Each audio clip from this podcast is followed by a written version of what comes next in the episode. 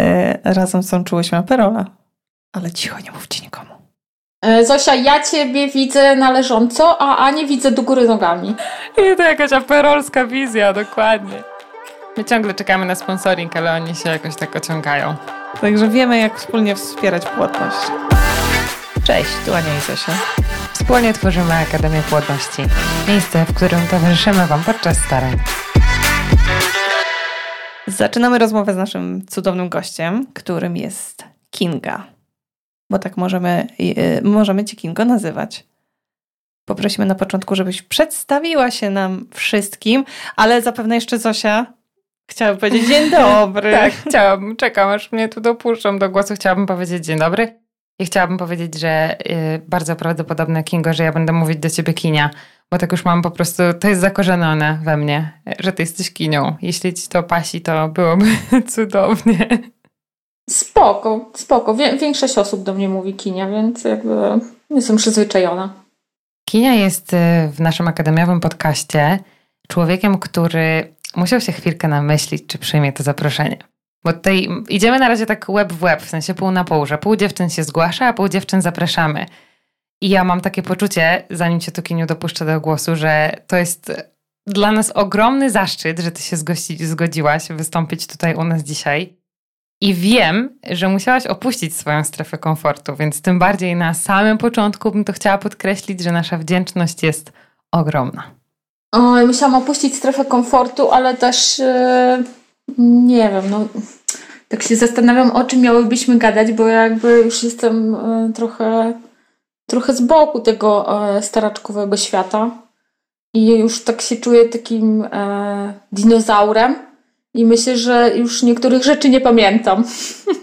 Bardzo nam są potrzebne różne spojrzenia. Bardzo byśmy chciały pokazać, jak wygląda też świat po zakończonych świadomie staraniach. O to też byśmy chciały Cię zapytać, dlatego ja bym bardzo nie chciała, żebyś umniejszała swojemu spojrzeniu, bo nam takie kinia i takie spojrzenie kini, które jest dinozaurem, jest bardzo potrzebne. To może na początek zaczniemy e, od przedstawienia e, wszystkim słuchaczom naszym. E, Kim jest Kinia?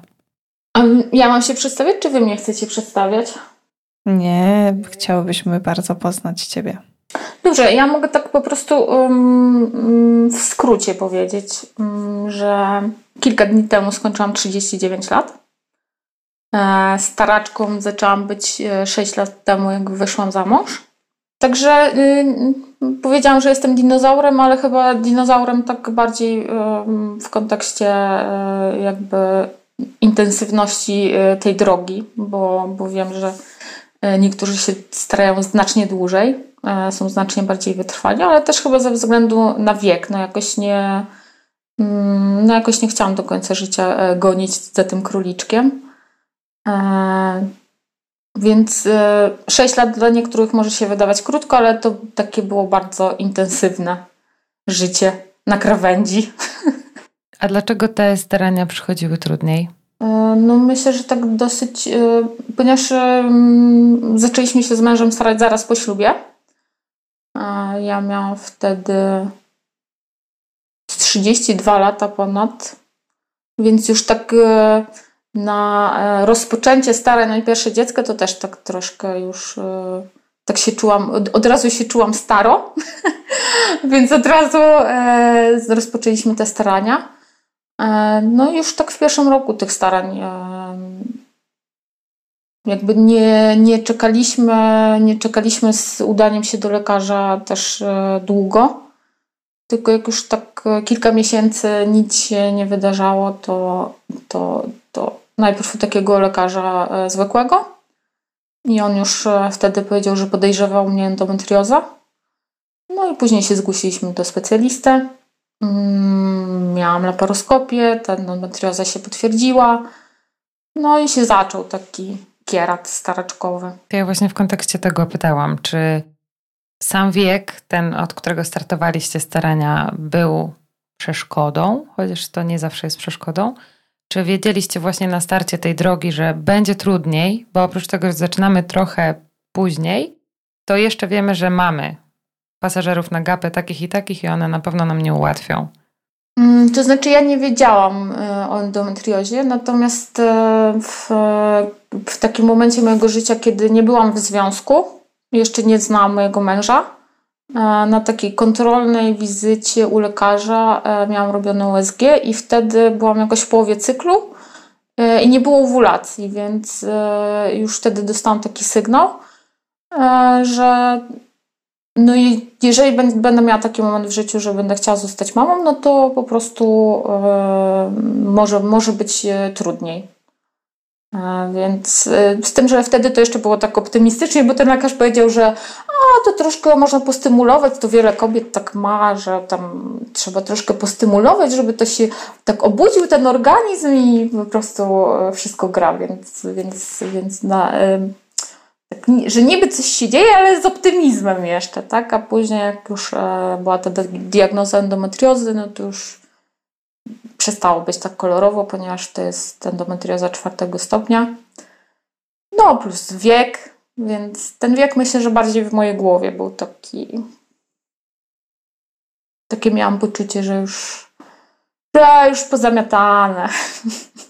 No dobrze, y, czyli y, przeszkodą przeszkodą, na przeszkodzie stanęła endometrioza, tak? A brak owulacji był y, tak. wynikiem PCS?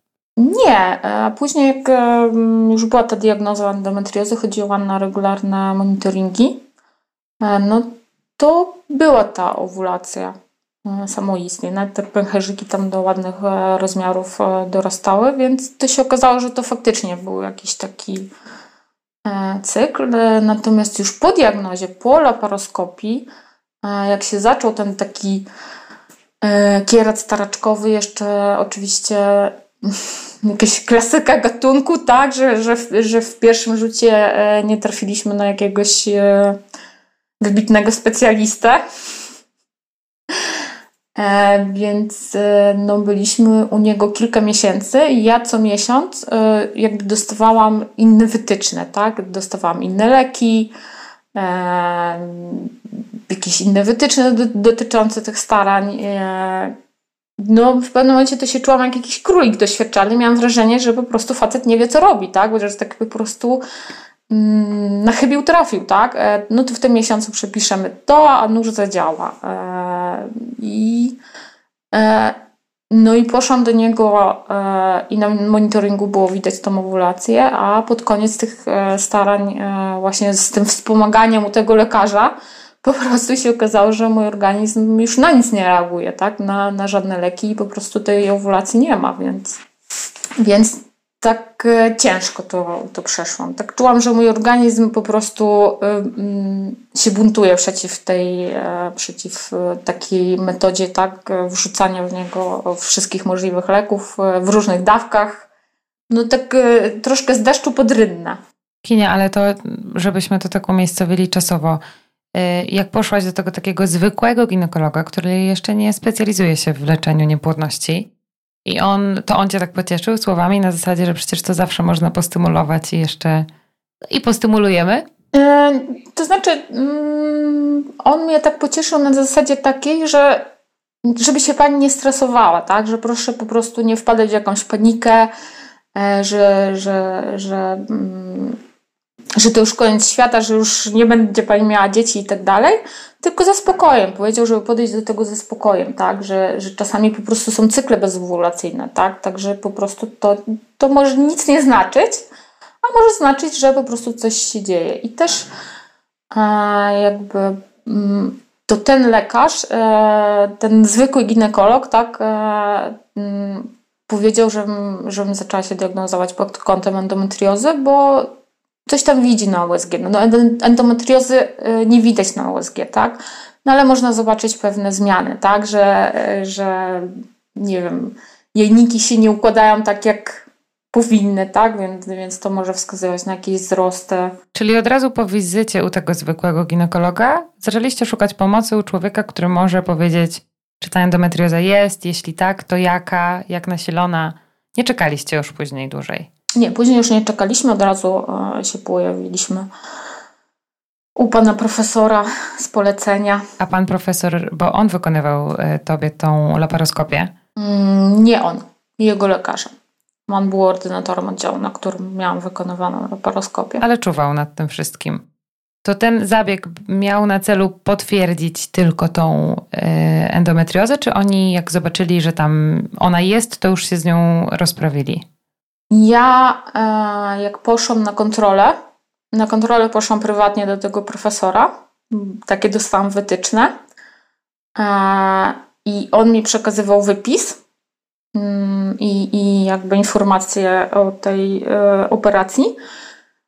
Powiedział, że tam jest wszystko po prostu, że, że wykryli tą endometriozę i się z nią rozprawili. Więc mój mąż zapytał, czy to znaczy, że już jest ok.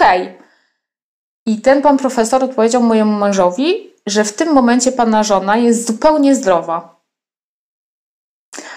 Ale później jakby jak nabierając doświadczenia, tak, i, i dowiadując się co, coraz więcej, bo dla mnie z tego wypisu nic nie wynikało, tak, ale nabierając tak coraz większego doświadczenia i też czytając y, różne informacje na ten temat, później, po dwóch latach, jak siadłam do tego wypisu, y, to było dla mnie jasne, Mm, że, że to nie była prawda, tak? Bo na, na tym wypisie miałam informację o 64 ogniskach, a o usunięciu tylko tych największych ognisk.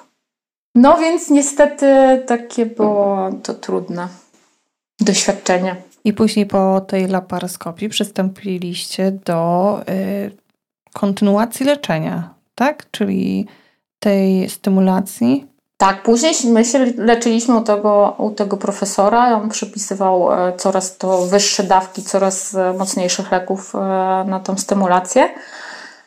Częstował nas tekstami typu, ponieważ okazało się, że mój mąż też ma obniżone parametry, więc ten częstował nas tekstami typu, że jak jest za mało plemników, to zrobimy dużo jajeczek. I że to niby, i że to niby po prostu miała być taka złota metoda. Um, ale tak naprawdę nie wiem. Ja, ja odnosiłam wrażenie, że, że, że to całe leczenie to po pierwsze, no nie czułam, że ten człowiek wie, co robi, tak? Im dłużej jakby brnęliśmy w to, tym mniej komfortowo się w tym wszystkim czułam. E, a druga rzecz jest taka, że on na samym początku powiedział, że tylko in vitro w zasadzie wchodzi e, w rachubę. W momencie, kiedy my powiedzieliśmy, że nie decydujemy się na tę metodę, no to zaczął leczenie, ale już na koniec tego leczenia miałam wrażenie, że po prostu on próbuje nam udowodnić, że jednak tylko in vitro, tak? Że te metody są po prostu tak dobierane, że, że w zasadzie i tak nie mamy szansy. Także, że po prostu on nam udowodni, że nie. A znalazł się na waszej drodze człowiek, który miał pomysł na to leczenie w zgodzie z waszymi sercami? Eee, my później na, tak na 2-3 miesiące odpuściliśmy po tym lekarzu. E, zdecydowaliśmy się na, na protechnologa e, takiego, mm, takiego najbliżej miejsca naszego zamieszkania. I jak trafiłam do tego na protechnologa, to okazało się, że w takim naturalnym cyklu jednak znowu się ta ovulacja poprawi, pojawiła. E, jakimś magicznym cudem. E, no, ale znowu spędziliśmy u tego lekarza kilka miesięcy i to też nie było to, bo ja e, miałam takie poczucie, bo jeździłam do niego na kontrolę co miesiąc i on co miesiąc zlecał mi jedno badanie. Na przykład, że a to może zrobimy insulinę. I ja przyjeżdżałam z tą insuliną, a on mówił, a to może zbadamy tarczycę. Ja pomyślałam, Boże, człowieku, ja nie mam tyle czasu przecież, tak? Jeżeli. Zwłaszcza, że potem jeździłam z tymi wynikami, e, widziałam na wyniku, że coś jest powyżej albo poniżej normy, pytałam, co to dla mnie oznacza, i on mi odpowiadał, żebym w ogóle się tym nie przejmowała. Ja mówię, no ale okej, okay, no skoro pan zlecił to badanie, mm, to znaczy, że to coś wnosi tak, do mojej sytuacji. Jeżeli ja tu widzę, że coś jest powyżej, poniżej normy, no to znaczy, że coś jest nie tak, coś nie tak dzieje się w moim organizmie. No jak dostałam za dwa razy odpowiedź, yy, że bym się nie interesowała i że po prostu jego zadanie to jest takie, żeby była ciąża, a reszta tak naprawdę go nie interesuje, yy, no to też powiedziałam mojemu mężowi, że no ja wysiadam z tego pociągu. I to był na waszej drodze ostatni lekarz, do którego się zgłosiliście? Nie. Nie? Nie, mój mąż e, jeszcze po prostu jeszcze powiedział, ale to jeszcze spróbujmy, jeszcze spróbujmy i wtedy po prostu zrobiliśmy casting na, na lekarza. E, wybraliśmy e, kilka takich nazwisk, które się przewijały po prostu w internetach jako tacy turbospecjaliści. No i pierwszy nasz, nasz wybór okazało się, że, mm, że ta lekarka y, jest na urlopie macierzyńskim i nie przyjmuje, więc y, poszliśmy do lekarza, który był drugim naszym wyborem. No i tam się czuliśmy znacznie lepiej i tam spędziliśmy rok. Mm, I tam na pierwszej wizycie, po pierwsze, od razu dostaliśmy informację, jakie są nasze szanse, czego możemy się spodziewać. E, na pierwszej wizycie dostaliśmy pakiet badań, jakie mamy wykonać. E, więc tak naprawdę od drugiej wizyty byliśmy gotowi na to, żeby wdrożyć leczenie, które jest celowane, tak? gdzie lekarz miał ogląd, miał informacje wszystkie, które chciał mieć żeby po prostu dla nas opracować e, strategię działania. No i tam się okazało, że parametry nasienia można poprawić w 3 miesiące, że różne rzeczy e, da się poprawić. Czyli trzecie, trzeci specjalista był dopiero takim człowiekiem, u którego czuliście się e, zaopiekowani?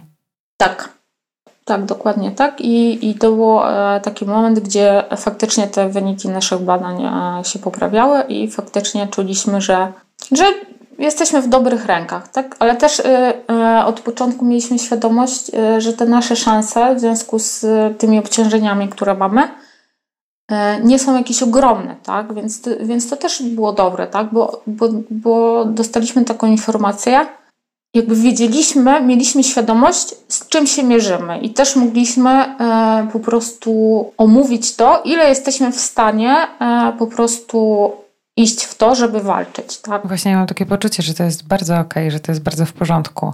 W sensie nie robimy nic wbrew państwu, natomiast szanse są takie i takie. I zanim się zdecydujecie na postawienie pierwszego kroku na tej drodze, to musicie być oboje z tym okej. Okay. Dla mnie to brzmi super. Mm, a gdzie w tym wszystkim kinia? Ja tak sobie myślę, bo tak słyszę tak wielu specjalistów, podejmowanie decyzji, pewnie jakieś inne kolejne miasta, dojazdy, kolejne leki, kolejne badania. Co w tym czasie robi kinia? Czy ty masz czas dla swojego ciała, dla swojej duszy i dla swojego serca wtedy? Nie, nie. Kinia jest, e, e, kinia jest e, zanurzona w totalnym perfekcjonizmie, w totalnym kieracie.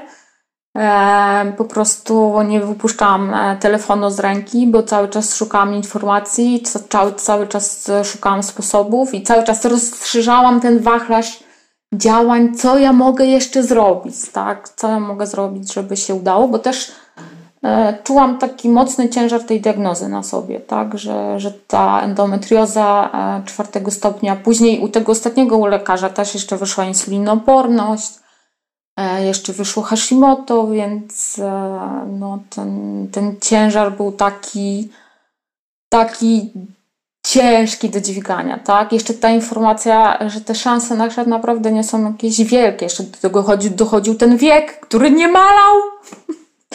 nie chciał się cofać jakoś, e, więc e, no, ja, ja byłam w takim, mm, tak ze trzy lata, byłam w takim kieracie takim hardkorowym, że ja byłam po prostu mm, wyłącz...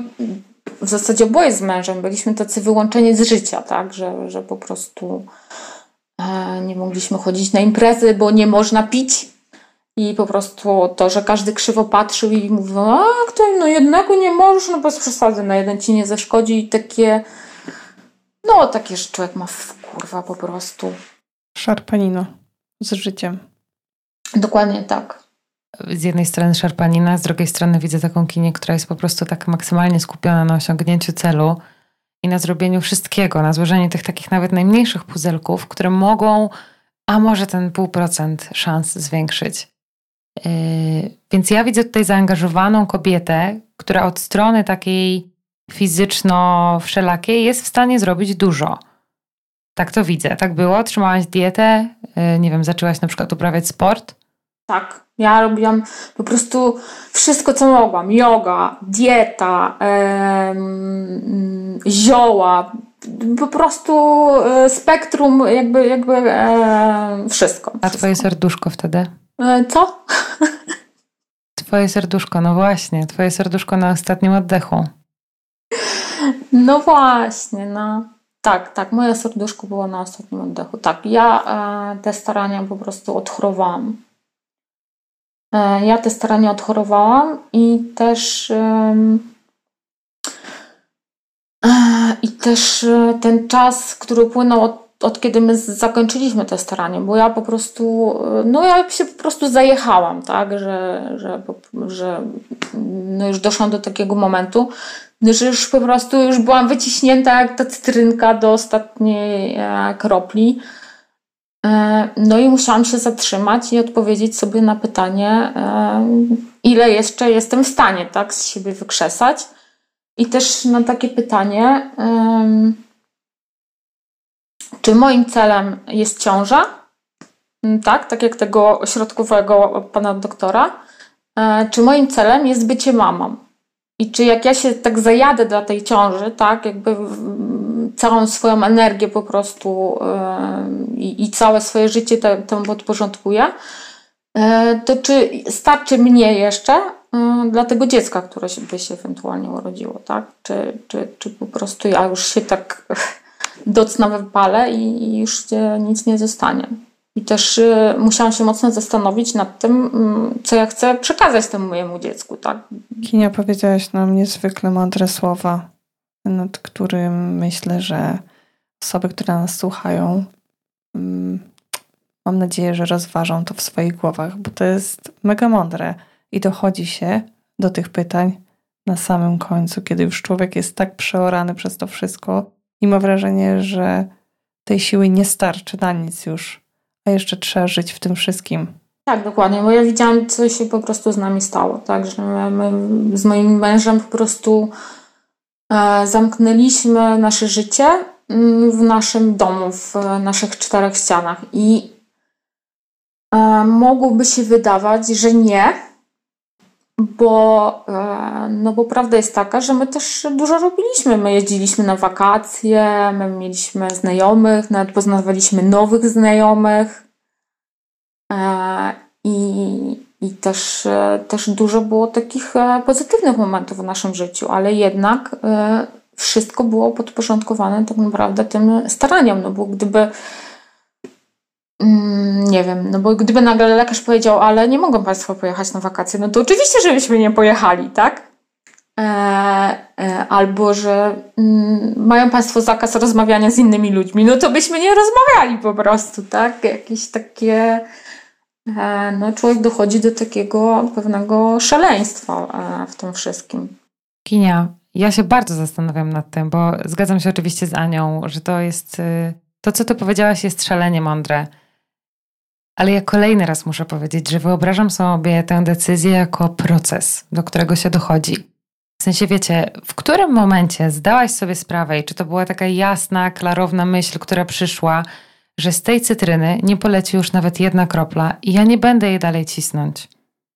Doszłaś do tego sama, zdarzyło się coś, musiałaś to przepracować? Czy już po prostu wstałaś pewnego dnia i powiedziałaś, nie mam kurwa siły? To jest trochę, trochę tego i trochę tego. E, bo też jest tak, że no jakby ja już, ja, ja, ja tą stratę, no bo to jest strata, tak? Nie, nie, brak możliwości zajścia w ciążę jest stratą.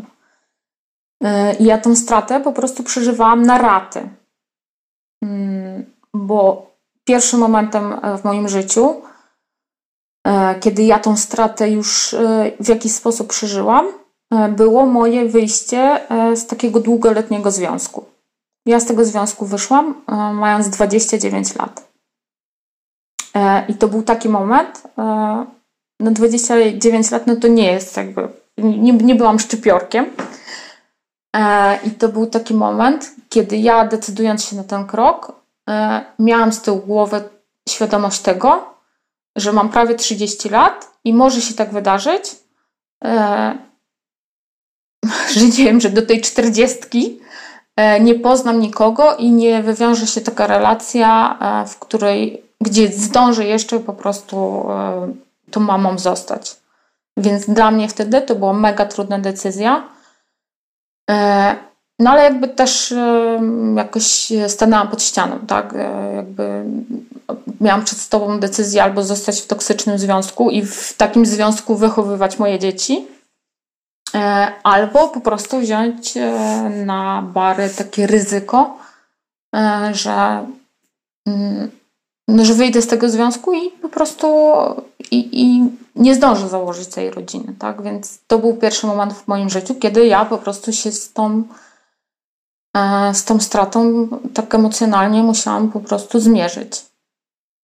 Później, jak jednak poznałam mojego męża i się pobraliśmy, zdecydowaliśmy założyć rodzinę, e, no to był tak drugi ten moment, kiedy się okazało, że może być kłopot, tak? No to znowu to przeżyłam, że, że po prostu jednak jednak nic z tego nie będzie, tak? Jednak mam męża fantastycznego, e, mam, jestem w związku w takim, o, o jakim marzyłam, a dalej ściana, tak? E, więc, więc to tak to, to tak się rozkładało w czasie, tak. No a ta skala miała mieć trzy punkty. Jeszcze czekam na ten trzeci ciągle.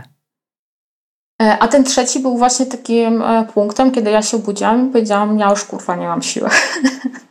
Czyli ta myśl przyszła, tak? To było coś takiego właśnie, że jestem już wyzuta do ostatniej kropli. Tak, to był taki moment, kiedy ja powiedziałam mojemu mężowi, mm, że wszystko, co jestem w stanie zrobić mm, dla tych starań, to chodzenie na monitoring, bo on za mnie nie pójdzie. tak? A wszystko inne on bierze na klatę albo po prostu zamykamy ten temat. I ten temat yy, został zamknięty. Jak to teraz wygląda, Kinia, u Ciebie, u Was?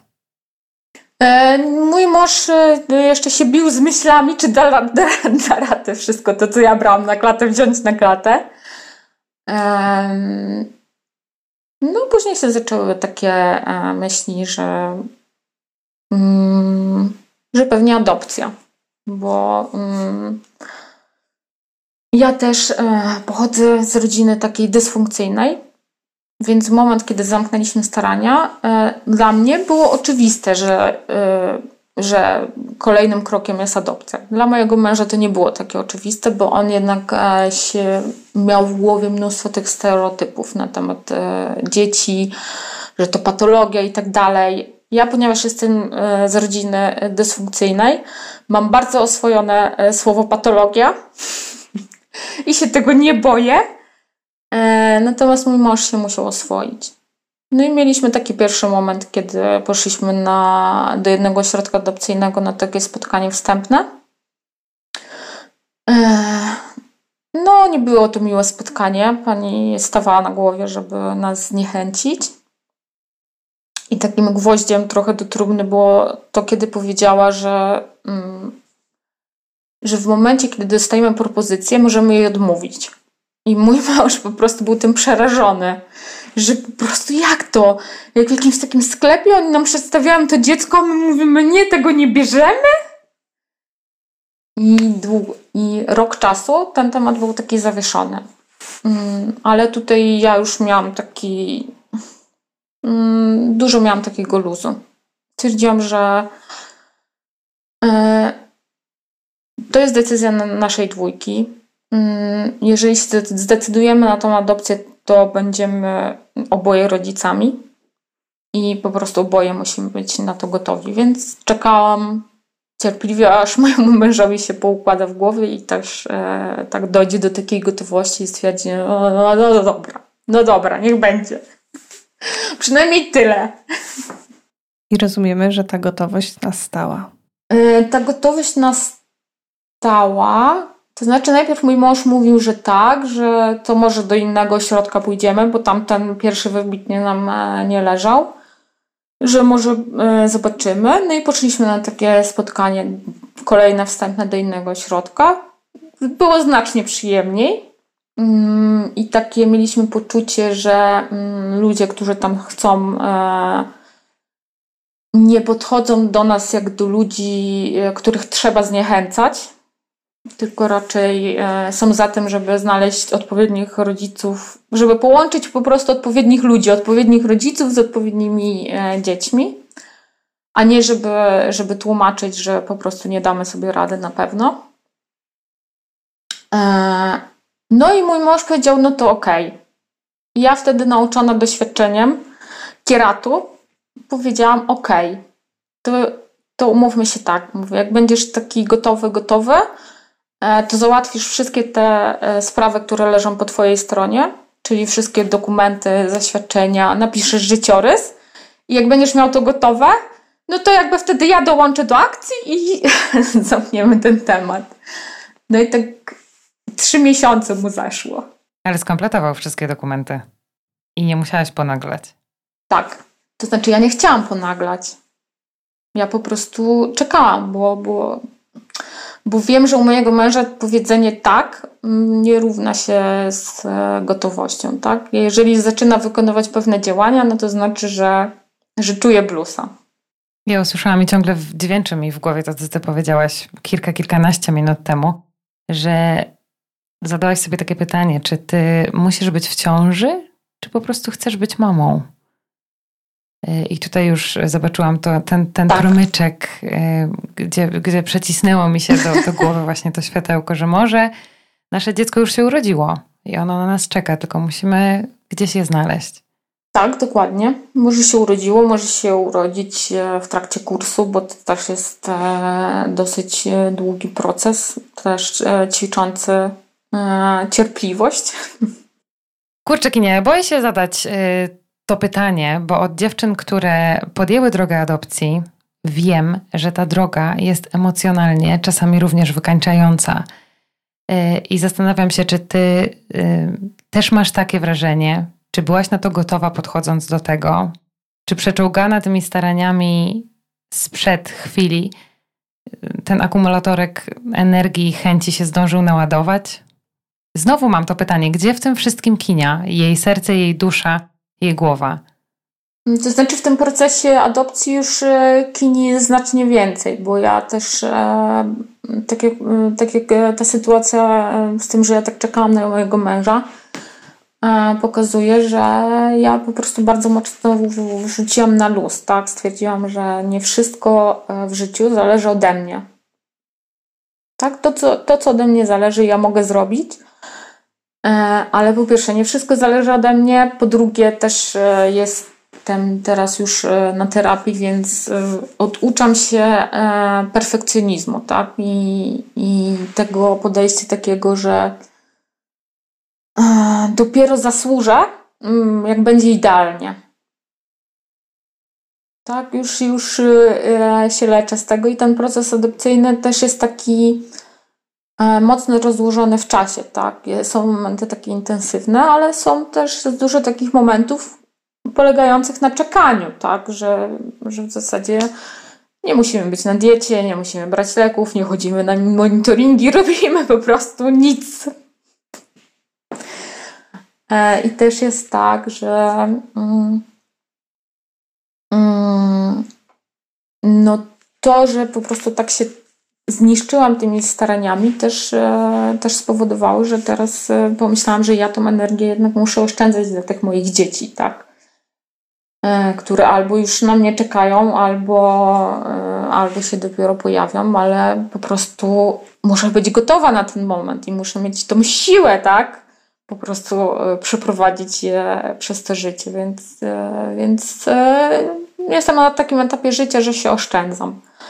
E, nawet do tego stopnia, że wszystkie e, książki adopcyjne mm, po prostu czekają w szafce na ten telefon.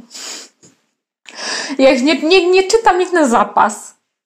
A powiedz nam wszystkim, czy to jest ten moment, w którym wszyscy czekamy na ten telefon, bo my jako kibicujący Wam mocno. Tak. e, tak. E, I jest e, tak, że mm, rok temu, dwa dni przed moimi urodzinami, dostaliśmy informację, że zaczynamy kurs. A w tym roku, dwa dni przed moimi urodzinami, dostaliśmy informację, że mm, zostaliśmy zakwalifikowani jako rodzice adopcyjni jednego lub dwójki dzieci. Już mam dreszcze po rękach, przeszło mi. Wysłuchując no ja tego wszystkiego, tego jak bardzo, jak bardzo cię to po prostu przetyrało wszystko. Ta, ta kinia czołgająca się, po prostu walcząca. A teraz siedzi przed nami uśmiechnięta kobieta ze spokojnym sercem. I to wszystko jest gdzieś za nią, a przed nią mam nadzieję, że czeka coś pięknego przed wami. Ja myślę, że to, ja myślę, że tak. I ty co, Ania, powiedziałaś o tym przeoraniu, jak ostatnio, jak słuchałam podcastu z Olą, e, to właśnie pytałyście Ole, co zrobić, e, żeby być optymistką. I Ola mówi, że ona nie wie, bo ona to po prostu ma. E, no to ja jestem z tego teamu, który musiał się tego nauczyć po prostu że krok po kroku, każdego dnia po prostu dawać sobie tą szansę e, na to, żeby cieszyć się każdym momentem życia, tak? Niezależnie od tego, co nam to życie, e, co nam to życie daje. Brzmi jak ciężka praca. Tak, bo to jest ciężka praca, bo to jest e, ciężka praca i mm, elementem też tej pracy było wyjście z grupy wsparcia E, staraczkowej, tak? gdzie po prostu te historie i to takie wzajemne nakręcanie się dziewczyn w tych e, złych, negatywnych emocjach, e, po prostu też ja to widziałam, że to mnie po prostu też zżera, tak? że to mi po prostu zabiera tą energię życiową, bo zwyczajnie było mi przykro patrzeć na takie wpisy, gdzie dziewczyny pisały tam nienawidzę mojej bratowej, bo zaszła w ciążę, a mnóstwo komentarzy się pojawiało. Masz prawo do swoich uczuć, nie postępuj wbrew sobie i tak dalej, e, a nikt e, nie pisał tym dziewczynom masz prawo do swoich uczuć, przeżyj je, wykrzycz je, wyrycz je,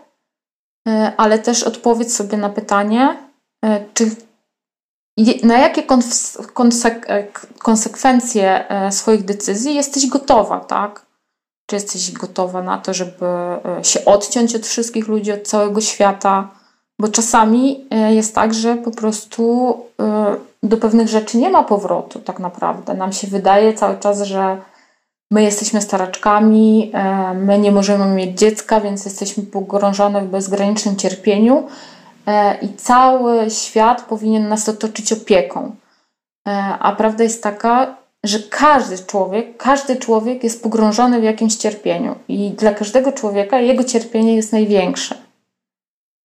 I też jego radość jest największa, tak? Czyli ta bratowa, która jest w ciąży, ma prawo po prostu całą sobą pokazywać, że jest najszczęśliwsza na świecie w tym momencie, tak? Bo jest w ciąży.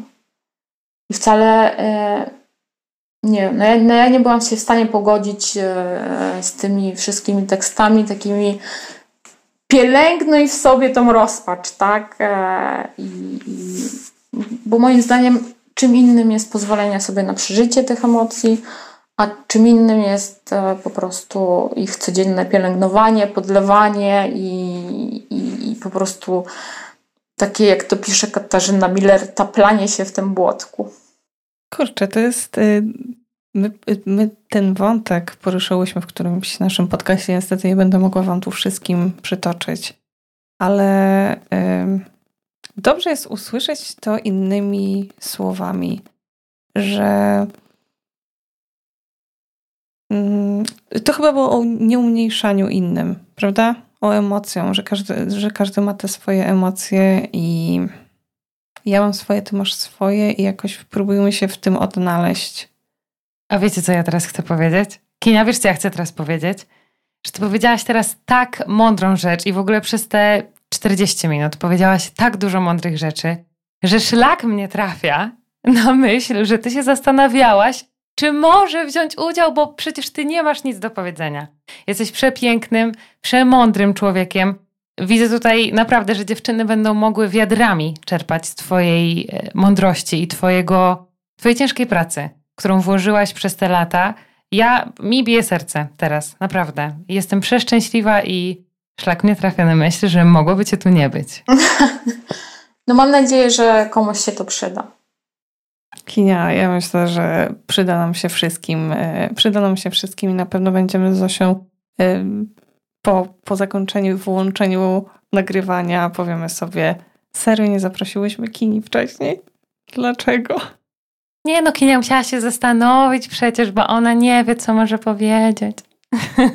Musicie wiedzieć jeszcze, że tutaj wy tego nie, nie, nie jesteście w stanie zobaczyć, ale tutaj jest mega wzrusz na, na ekranach. Tak. O matko, mi też e, serce mało nie wyskoczy, ale jeszcze muszę powiedzieć jedną rzecz bardzo ważną, o której zapomniałam.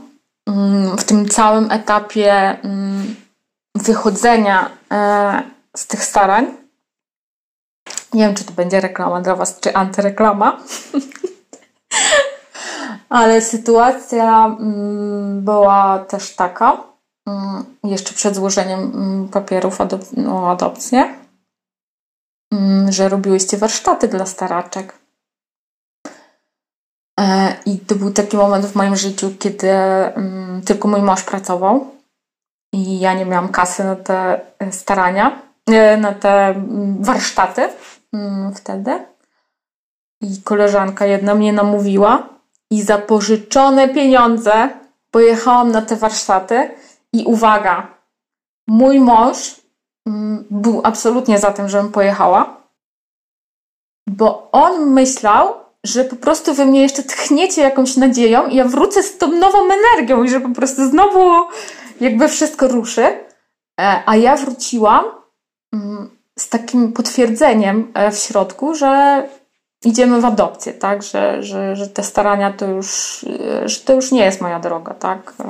Ten wieczór emocji nie chcę tutaj jakoś zdradzać jakichś wielkich szczegółów, bo nie wiem, czy może, może będziecie robić kolejne warsztaty i, i znowu się to pojawi. Dobra, mam sprzeczne informacje teraz. Bo Ania kiwa głową, a ja przeczę głową. Potem ja przeczę głową i Ania kiwa głową, więc Kinia już nie wie co. Kinia, możesz mówić, proszę bardzo. Mm, Wieczór emocji. W wieczorze emocji e, bo, była taka medytacja, gdzie przechodziłyśmy przez nasze ciało wewnątrz. I ja zobaczyłam e, wewnątrz siebie. Zresztą napisałam Wam to kiedyś, że po prostu jak ja weszłam do środka, do swojego ciała, e, to stałam się tak, to nagle po prostu byłam ubrana w po prostu taki E, mundur żołnierski i taki kask e, żołnierski, jak pokazują e, na filmach takich jakichś wojny z Bliskiego Wschodu, gdzie oni są w takich kremowych tych mundurach, takich piaskowych. I ja po prostu, idąc przez moje ciało, czułam się jak taki żołnierz, jakbym była na wojnie po prostu, że, że to jest po prostu wojna, że ja, że ja e, że po prostu, że moje ciało od środka jest takim, takim po prostu taką ruiną takiego miasta po bombardowaniu jakimś, że po prostu... No ja już... Ja wracałam z tych warsztatów, już wiedziałam, że no po prostu trzeba się zająć tutaj, tutaj odbudową, a nie po prostu dalej te bomby tam e, spuszczać na to biedne ciało, które już, e, już ledwo zipie, ledwo zipie.